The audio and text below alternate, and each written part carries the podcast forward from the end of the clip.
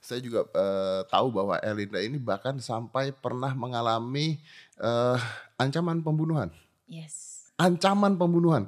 Ancaman atau sudah hampir dilakukan? 5, 4, 3, 2, 1 Close the door Saya lagi bersama dengan mantan komisioner KPAI Yes. Erlinda yang Hai, hai, ini menarik sekali karena kenapa bahkan Sudah dilakukan. sudah dilakukan. Wow. Iya, jadi eh, apa? Mobil lagi nyetir sendiri, tabrak dari belakang, tapi mobilnya tidak ada plat. Ya, pada waktu itu kita ada kasus memang menyelamatkan anak yang di TPPO ya. Tapi kita nggak tahu apakah siapa yang melakukan itu sampai hari ini tidak terdetek. Oke dan dan eh, gini lu, lu kan lu kan perempuan ya, oke ya. Nggak nggak stres. Ini kan shit happens. Ya, to be honest, I'm just human being. Stres ada, tapi kan ini suatu pilihan yang harus dilewati. Yang paling utama pada saat keluar rumah, sudah izin suami, sudah izin anak, sudah izin waktu itu masih ada mamaku. Akhirnya saya katakan bahwa mohon doa kalian. Ya saya melakukan ini untuk suatu kebaikan dan untuk amal ibadah saya di alam berikutnya. Saya bilang gitu. Wow. Jadi membela anak-anak itu saja bisa sampai mengambil nyawa anda sendiri loh. Iya, dan sampai hari ini di handphone saya masih ada ancaman kepada dua putra saya bahwa dikatakan bahwa mereka bilang, saya tahu putra anda sekolah di mana, nyawa taruhannya nyawa. No way.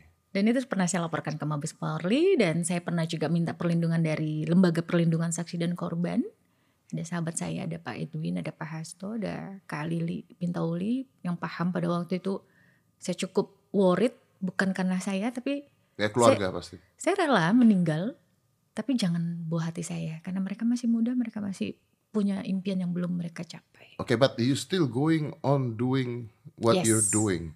of course karena bukan hanya passion tapi di sini bagi saya eh, suatu keterpanggilan sorry to say nggak ada duitnya di sini Nggak ada duitnya ya. nggak ada duitnya Oke. malah kita buang uang Malah kita buang uang. tapi di sini ada suatu message seperti yang dikatakan almarhum Eyang Habibie bahwa kita harus bisa memberontak Ya. untuk sesuatu hal yang suatu kenyamanan Ya, ya, saya selalu mengatakan bahwa di Indonesia ini kadang-kadang hancur bukan gara-gara banyak orang gila yang ngomong, cuman gara-gara banyak orang bener nggak berani ngomong gitu. Nah, Ya kan, makanya akhirnya tahu saya masuk di kategori mana ya? Anda Anda orang-orang bener yang kebanyakan ngomong.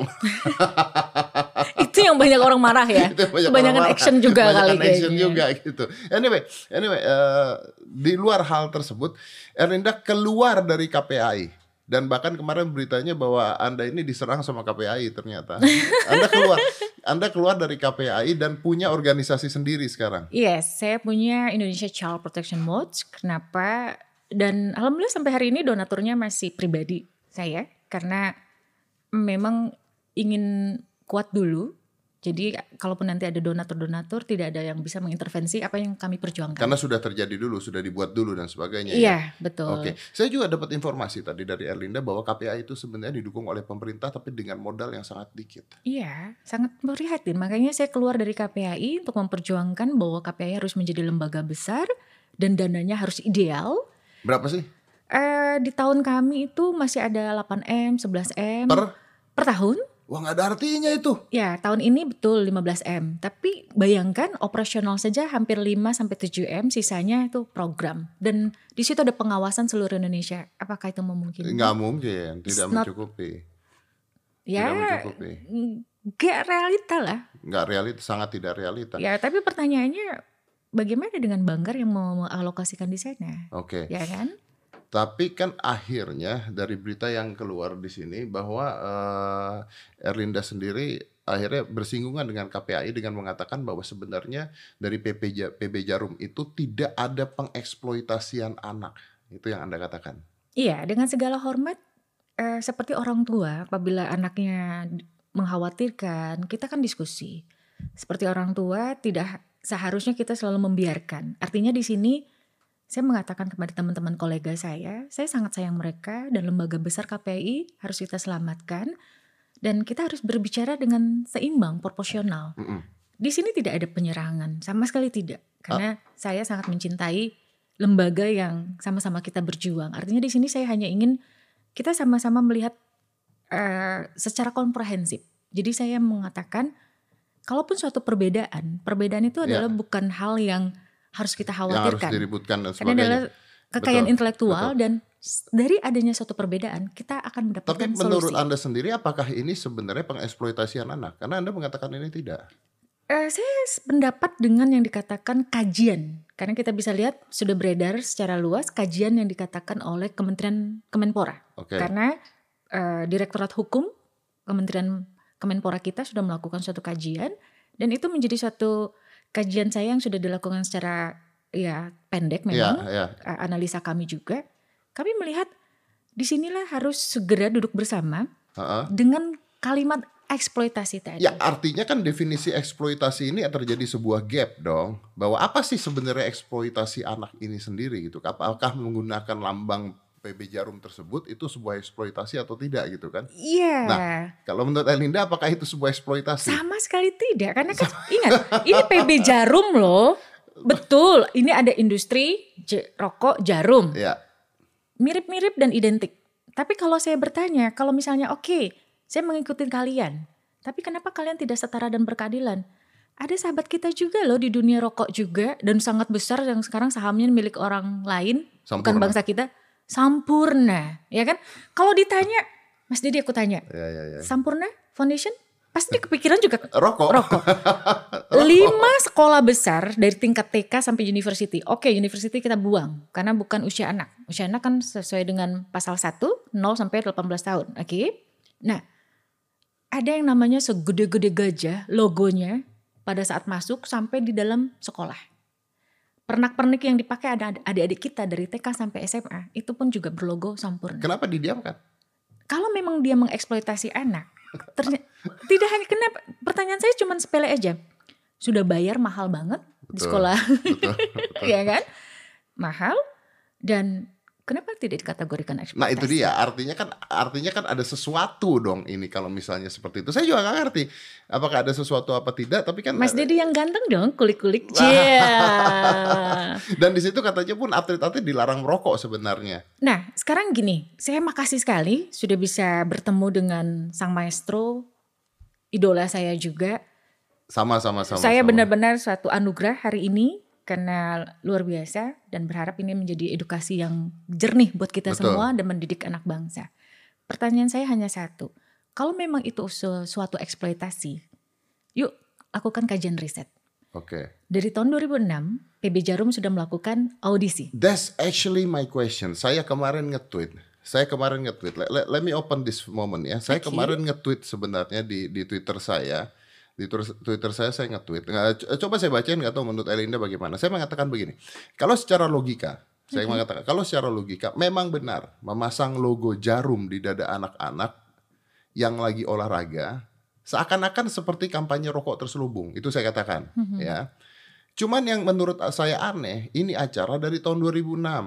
Saya bilang, kenapa baru sadarnya sekarang? Ributnya sekarang, saya bilang. Kemarin ke mana aja bro? Saya bilang seperti itu. Nah, ini pertanyaan saya sebenarnya. Kalau ini dianggap sebuah eksploitasi, anggaplah ini adalah sebuah eksploitasi. Bukankah ini sudah dari dulu berjalan? Yes, kenapa terjadi pembiaran? Pertanyaannya, pada saat saya menjadi komisioner, oke, periode 2014-2017, kenapa saya pun membiarkan? Nah, kenapa Anda membiarkan juga? Dengan segala hormat saya harus jujur apa adanya. Karena kami belum bisa menyiapkan pengganti dari PB Jarum. Kalau pada saat itu pemerintah bekerja sama dengan mungkin CSR yang tidak berbau rokok dan sudah dapat dan mereka komitmen, kita berani untuk mengatakan bahwa ayo PB Jarum kalian harus bisa eh, dikoreksi ya kan, harus bisa memperbaiki. Hmm. Tapi kami belum berani pada waktu itu, jadi kami hanya mengatakan Wow. dampak rokok saja dulu yang kita cegah. Wow. Karena begini, ada suatu kedaruratan. Negara kita APBN belum sanggup untuk menyiapkan semua infrastruktur SDM. Sorry, kalau nge-gym aja berapa sih bayarannya? Apalagi bulu tangkis. Ya, Ya. ya. Per bulan itu setiap anak harus mengeluarkan berapa orang tuanya? Ya, belum dia Untuk- punya makannya dan Iya, sebagainya. pada saat kompetisi bukan hanya uang yang harus kita persiapkan. Apa? Mental Mentalnya anak harus kita. disiapkan. Even dia lose or win, semuanya harus siap. Sudah siapkah kita menyiapkan itu semua? Kami jujur belum bisa. Artinya kami belum mau mengutak-atik hal itu. Ya karena belum mampu untuk merubah belum hal tersebut. mampu. Kecuali sudah ada. Biarkan saya izin sebentar, saya katakan. Ada seorang anak, nih fakta. Ini terjadi sangat banyak dan masih ada orang-orang itu. Mereka adalah kaum fafa, kaum miskin luar biasa ya. Bukan hanya miskin tapi fakir. Setiap mereka makan adalah mengambil makanan dari orang kaya yang membuang di tongnya. Mm-mm. Memprihatinkan. Mereka ambil makanan itu dan mereka makan. Saya tanya, Dek, kamu bahaya loh, kamu bisa sakit perut dan kamu bisa sakit yang lainnya. Kak, gak kuat kami menahan kelaparan. Mm-mm. Artinya apa? Di situ adalah suatu kedaruratan. Satu sisi mereka tidak sanggup menahan rasa sakit pada saat kelaparan. Tapi satu sisi mereka juga bersama-sama sangat membahayakan buat dirinya karena potensi sakit. Hmm. Sekarang yang mau disalahkan siapa? Kita. Karena Ya, ya, ya, ya. nah jadi kalau kalau kita mau bahas ini, wow, Bang Toib nggak pulang-pulang Ya, nanti panjang, ya kan? panjang. panjang sekali. Makanya makanya terus keluar juga sebuah berita yang menurut saya agak agak me- menarik sekali karena di sini ini ada audisi PB Jarum dihentikan.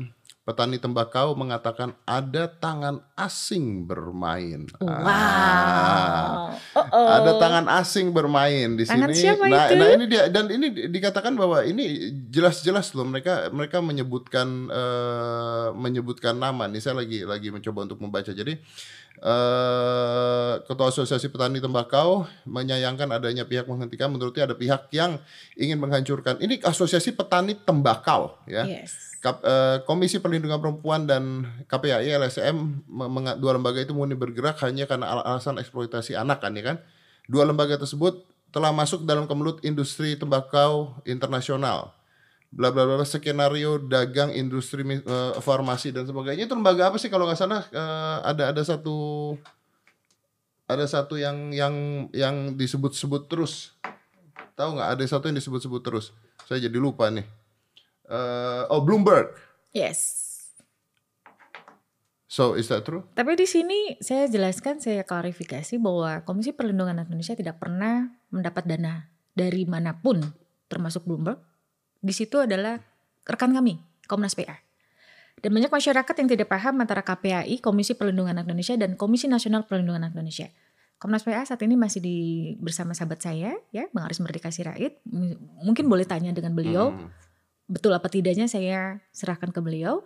Yang pasti Komisi Perlindungan Indonesia hanya menerima dari APBN dan itu murni dari APBN dan sangat disayangkan sampai hari ini lembaga tersebut eh, dititipkan dananya di Kementerian Pemberdayaan Perempuan dan Perlindungan Anak Oke, melalui Komisi 8. Oke, ber- ar- artinya ada tidak Bloomberg ini sebenarnya? Iya, Bloomberg pasti ada. Dalam arti kata, ya untuk kampanye anti tembakau kan melalui salah satunya LSM Lentera tadi, Oke. Ap- termasuk juga yang lain-lain. Oke, Iya apakah ini ada sebuah permainan di sana? Kita nggak tahu kan?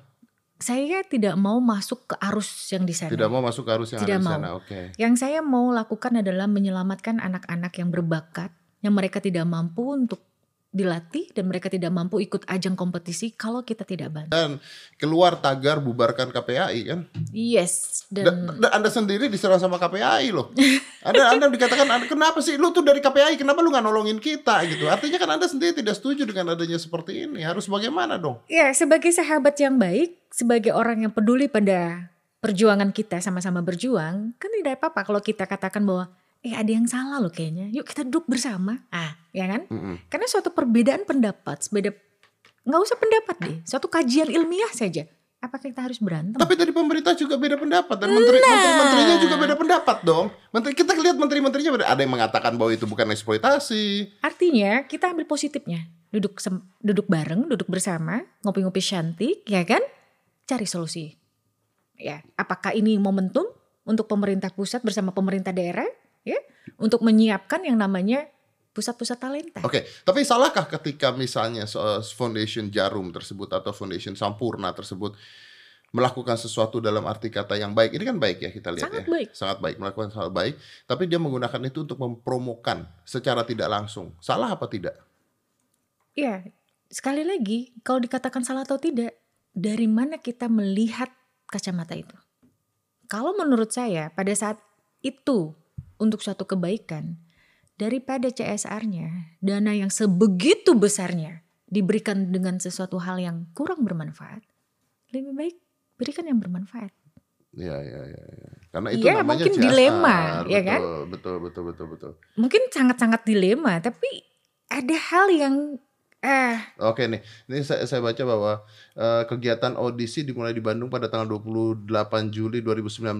Namun tiga hari sebelum audisi digelar, Yayasan Lentera Anak dan Smoke Free Bandung mendesak panitia acara tidak menjadikan anak-anak sebagai media promosi produk tembakau. Ini tahun 2019. Pemantauan dilakukan Lentera sejak 2015 hingga 2018. Panitia merusak anak-anak menggunakan kaos dengan tulisan jarum yang merupakan brand image produk tembakau. Ah, brand image produk tembakau. iya, Ya, ini kan jadi iklan tembakau. iya dikatakan bahwa tubuh anak tersebut menjadi iklan berjalan. Itu kan tudingannya. Iya. Pertanyaannya, kalau memang demikian, ya dibal- dikatakan iklan berjalan, kenapa tidak melakukan suatu kajian, survei, riset anak-anak yang di PB Jarum khususnya, berapa jumlah yang pada akhirnya mereka menjadi perokok?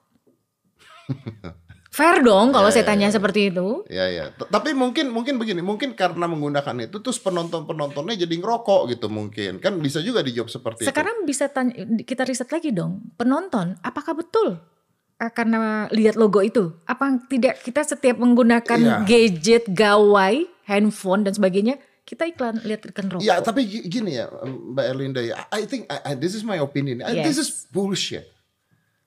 I, I- nggak menurut gue ya, this is bullshit. Oke, k- kita mengatakan pemerintah tahu dan semuanya dan kita semua tahu bahwa gini, konon kabarnya. Saya menggunakan konon kabarnya aja sekarang. Saya tidak Iya. mengatakan bahwa ini Pakai nyanyi dong, konon kabarnya.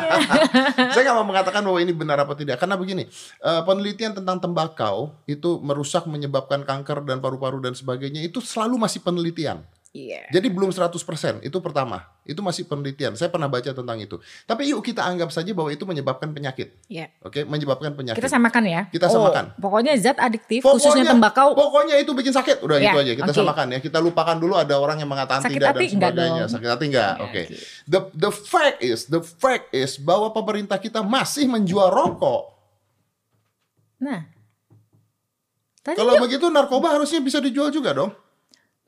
Oke, narkoba saya katakan eh jelas. Tapi nggak usah narkoba. Susu. Ah, Susu, formula. Ya, kental kental manis, Atau susu manis kental banget. manis. Ya, ya. Oke, kalau saya sudah cukup manis kan. Oke. Cie. Yang isinya gula.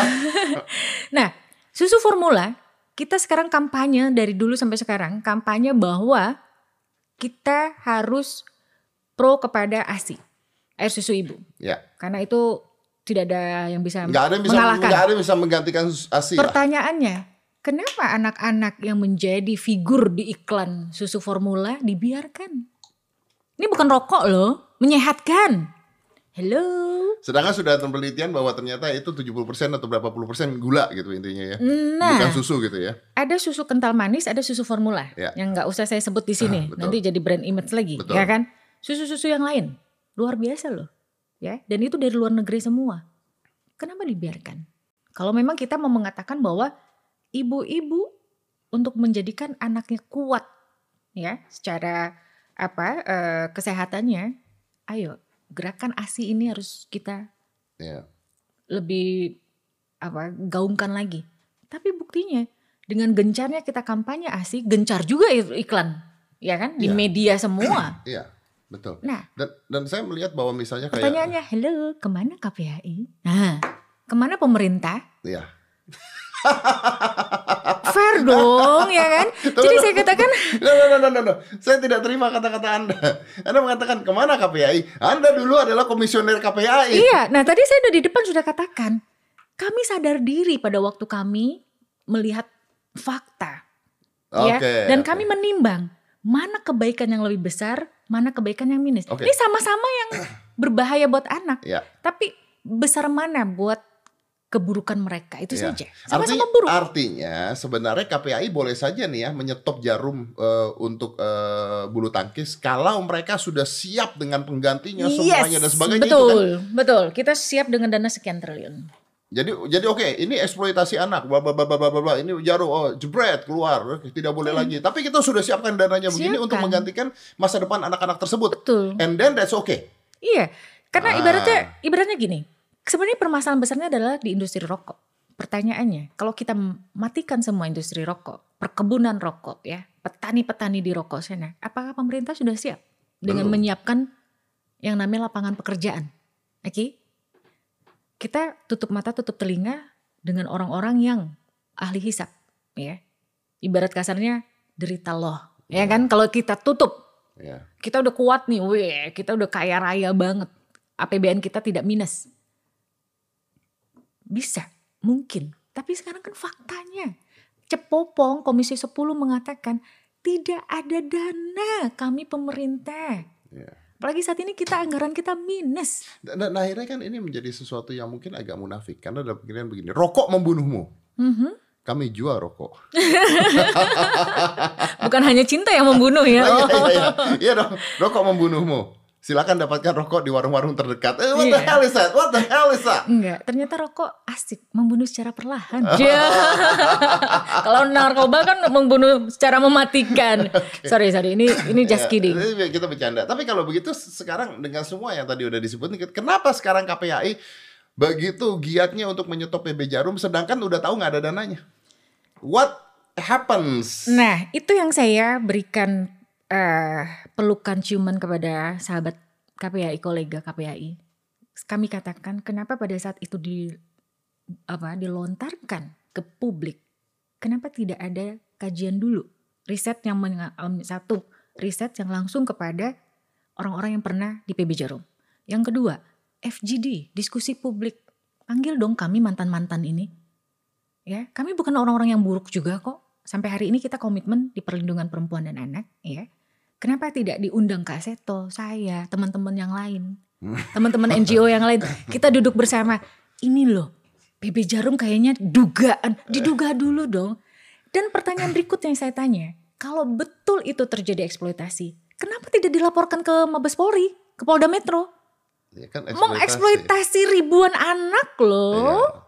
Dan dan sebenarnya masih banyak hal-hal lain yang Kalau mereka berani melaporkan dan kita uji di apa di pengadilan, yuk saya siap mendampingi.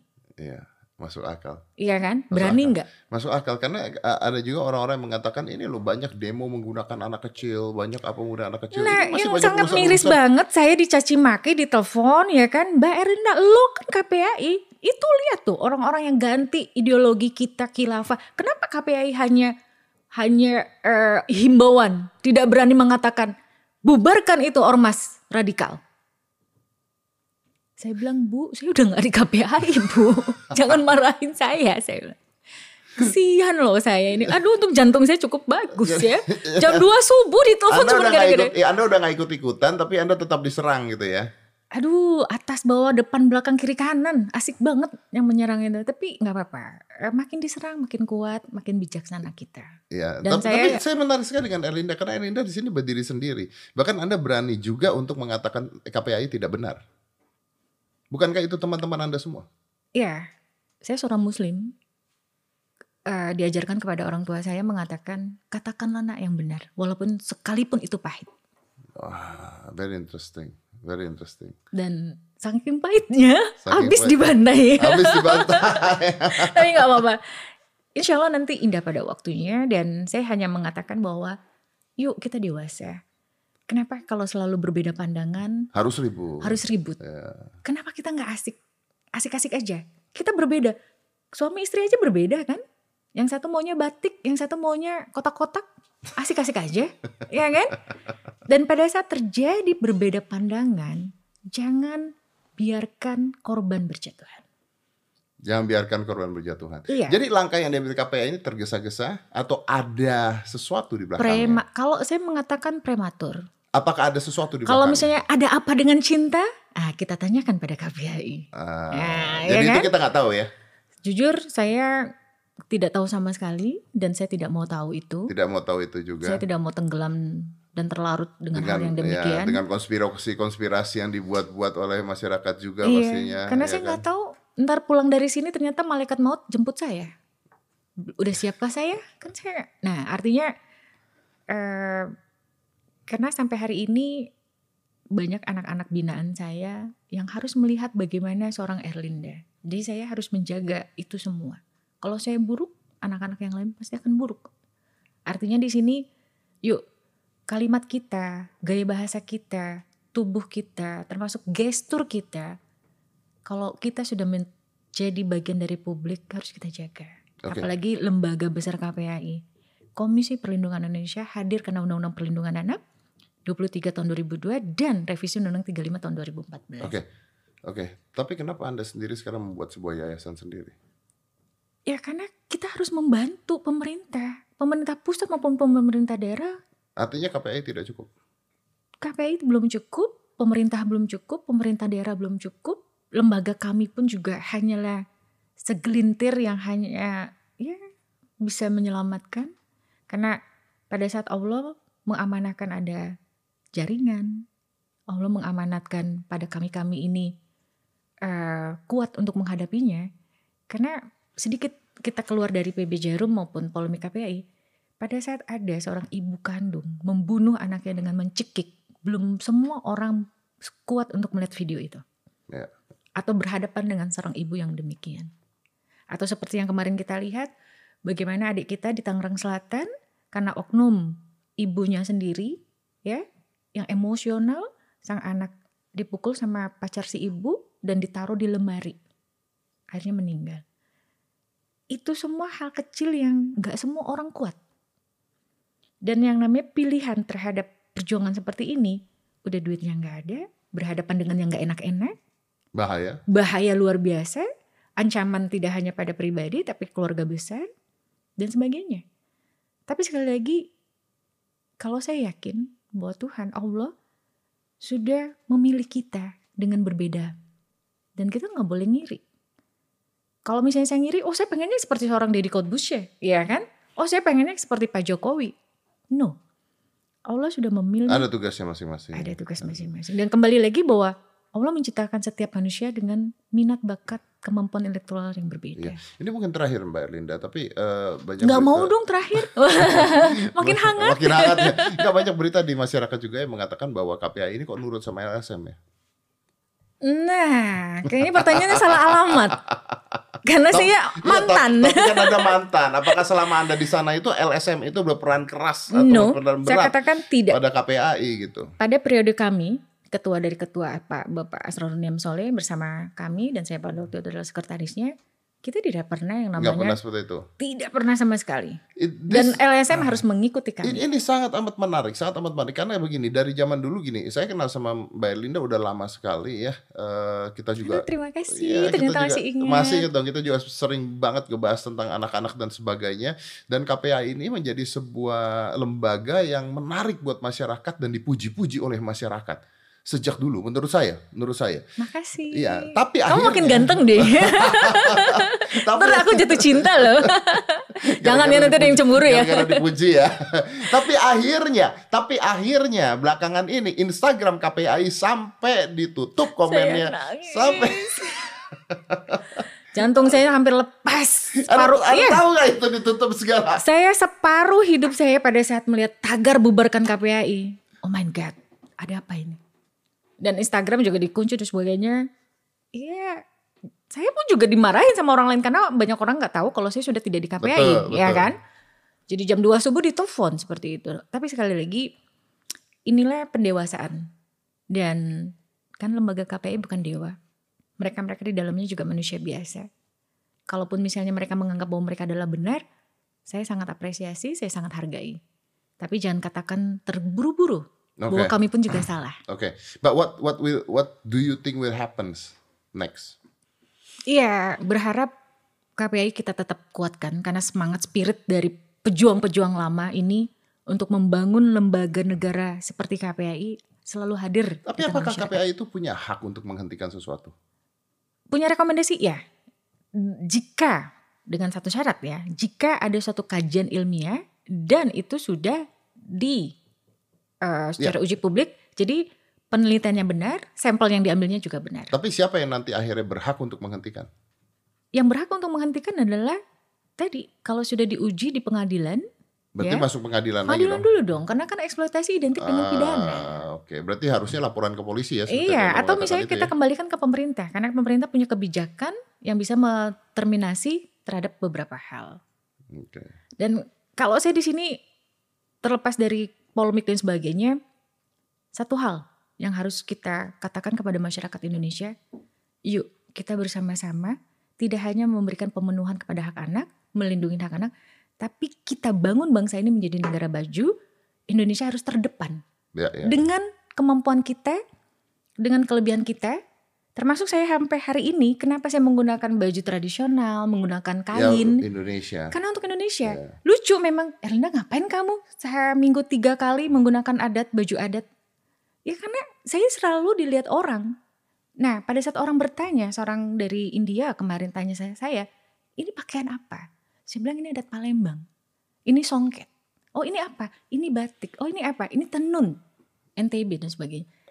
Jadi apa pun yang kita lakukan ada nilai. Ada ada nilainya. Oke, eh, eh, Mbak Rinda. eh, saya tahu ini pertanyaan tidak bisa Anda jawab. Tapi apabila KPAI berhasil membubarkan eh, Jarum Foundation dengan alasan eksploitasi anak, apakah menurut Anda selanjutnya Sampurna Foundation dibubarkan juga? Harus dong. Harus dong. ya? Harus dong. Harus jangan jangan. Biar adil. Ah, kalau enggak berarti kan? ada apa? Ada Anda? apa? Ya, yang pasti di sini, Mas Didi dan semua yang nanti melihat ini semua, kami bersama teman-teman yang lain akan menyisihkan penghasilan kami dan kami nanti akan segera berikan itu ke Kementerian Kemenpora. Eh, jangan dilihat jumlahnya, tapi spirit untuk lanjutkan audisi untuk mencari bakat, tidak hanya bulu tangkis dengan formula seperti apa, tapi paling tidak ini ada modal awal. Ada modal awal. Wah, menarik sekali. Iya Jadi masyarakat pun bisa bisa ikut serta. Dan saya ya. sumbangkan tidak hanya sekedar oh 200 ribu 300 ribu tapi dalam bentuk jumlah yang cukup besar jutaan. Wow. Dan saya ajak teman-teman yang lain, yuk kita sumbang sama-sama, kita berikan kepada Karena ini untuk Indonesia. Lembaga. Ini buat Indonesia. Yuk kita Karena donasi. Indonesia. Dan siapkah teman-teman Ya. yang menggunakan APBN uang rakyat? Yuk gaji kalian dipotong Saya- juga yuk. Nah betul, saya sempat mendengar bahwa Jarum Foundation mengatakan bahwa dia siap melanjutkan ini dan tidak menggunakan logo Jarum dan sebagainya. Asal ada 10 ada perusahaan. 10 perusahaan yang ikut juga serta. Kalau enggak mah kita dibodohin kata dia Iya. begitu. Sayangnya perusahaan kami belum perusahaan besar ya. Tapi nggak apa-apa, kita mendukung. Tapi tapi that can be happens kan ada Yes. 10 perusahaan dan sebagainya. Ya. Mungkin nanti habis itu Sampurna Foundation juga ada 10 perusahaan besar dan sebagainya. Iya. Jadi jangan melebar polemiknya Ah, ya kan. ya, yang ya, paling ya, ya, ya, yang ya. kita dorong sekarang, Mas Didi, yuk solusi nyata, Ya. bukan himbauan, bukan caci maki, bukan siapa yang benar siapa yang salah.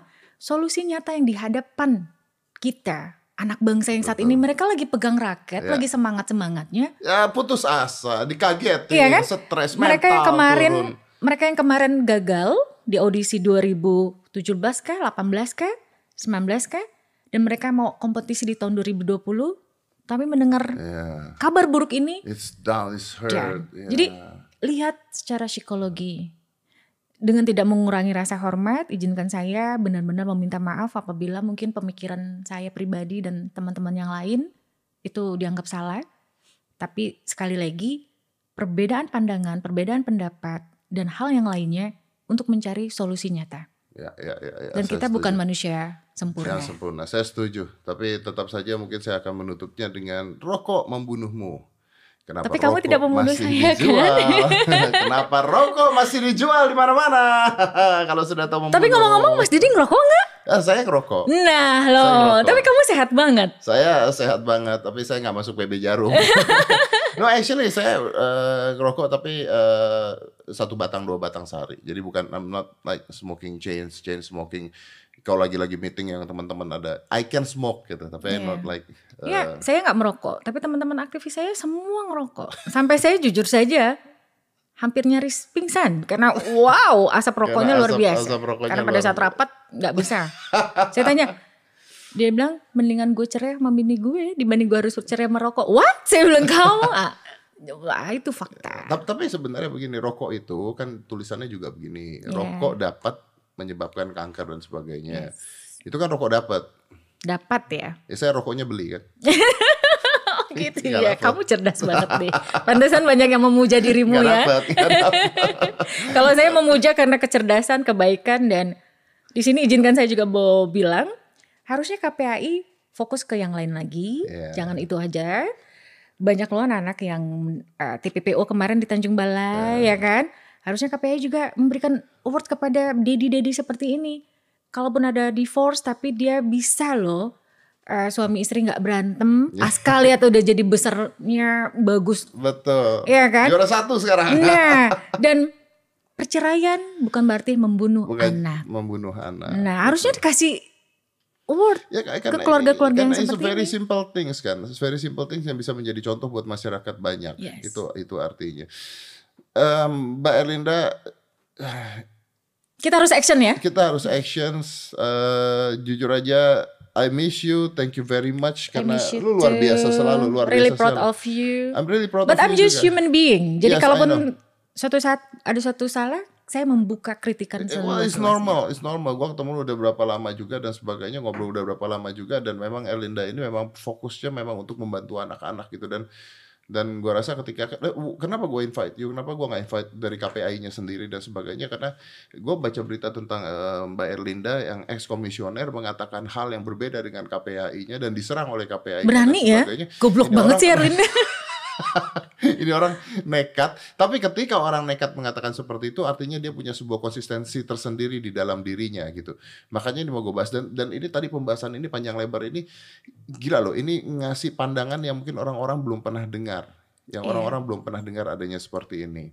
Anyway ada satu hal yang paling lucu yang mau saya tutup bahwa kemarin eh, Kak Seto mengatakan di twitternya kalau tidak salah PB Jarum itu ngambek seperti Anak kecil. mainan diambil seperti anak kecil. Itu kata Kak Seto. Dan di bawahnya dijawab, Kak Seto sudah tua masih mau dipanggil Kak Seto kayak anak kecil. Tapi belum guru saya loh. saya tahu saya juga temenan sama beliau, cuman ada Twitter yang rame isinya seperti itu. Jadi Paling tidak akhirnya- ini membangunkan semua pihak Betul. untuk kita lebih peduli. Ini ada masalah besar yang dihadapkan anak bangsa. Iya. Karena kalian suka tidak suka olahraga melalui olahraga salah satunya itu membesarkan nama besar Indonesia. Betul, apalagi bulu tangkis. Yes. Satu-satunya olahraga saat ini yang masih belum keok. Kemarin kita dikalahkan oleh Thailand, Betul. ya kan? Apa kita Betul. nggak malu? Nah, betul. Mau kita juga keok untuk bulu tangkis. itu dia. Yuk kita tanya sama Minion, kamu ngerokok gak sih? Nah, Rokok membunuh kamu? Ah, oke. thank you so Oke, much. Thank you very Jadi, much. It's very salam pleasure. peluk cium buat Aska. Yes, very nice to meet you again finally. Very Dan nice to meet you ini again finally. mungkin gak enak buat dirimu, tapi ini amanah dari banyak temen yang ngefans sama Deddy Kotbushe. Dia katakan, kalaupun nanti ada rezeki dan ambil suatu keputusan, berikan Aska mama yang ideal buat Aska dan yang terbaik buat Aska. Bukan Amin. terbaik buat Deddy Kotbushe katanya. Ah, kayaknya buat dua-duanya ya. Oh, buat dua-duanya ya. Kalau Iya dong. Anaknya doang buat bapaknya Iya, enggak kaget. gimana? Emang mau kawin sama Ah, anaknya? Kan ngerasain Siap. bapaknya juga. Terus. Sorry ya kalau di luar konteks. Tapi God bless you, sukses buat dirimu, berkah dan congratulations untuk apa yang sudah dilakukan. Thank you very much. We close it. Five, four, three, two, one. Close the door.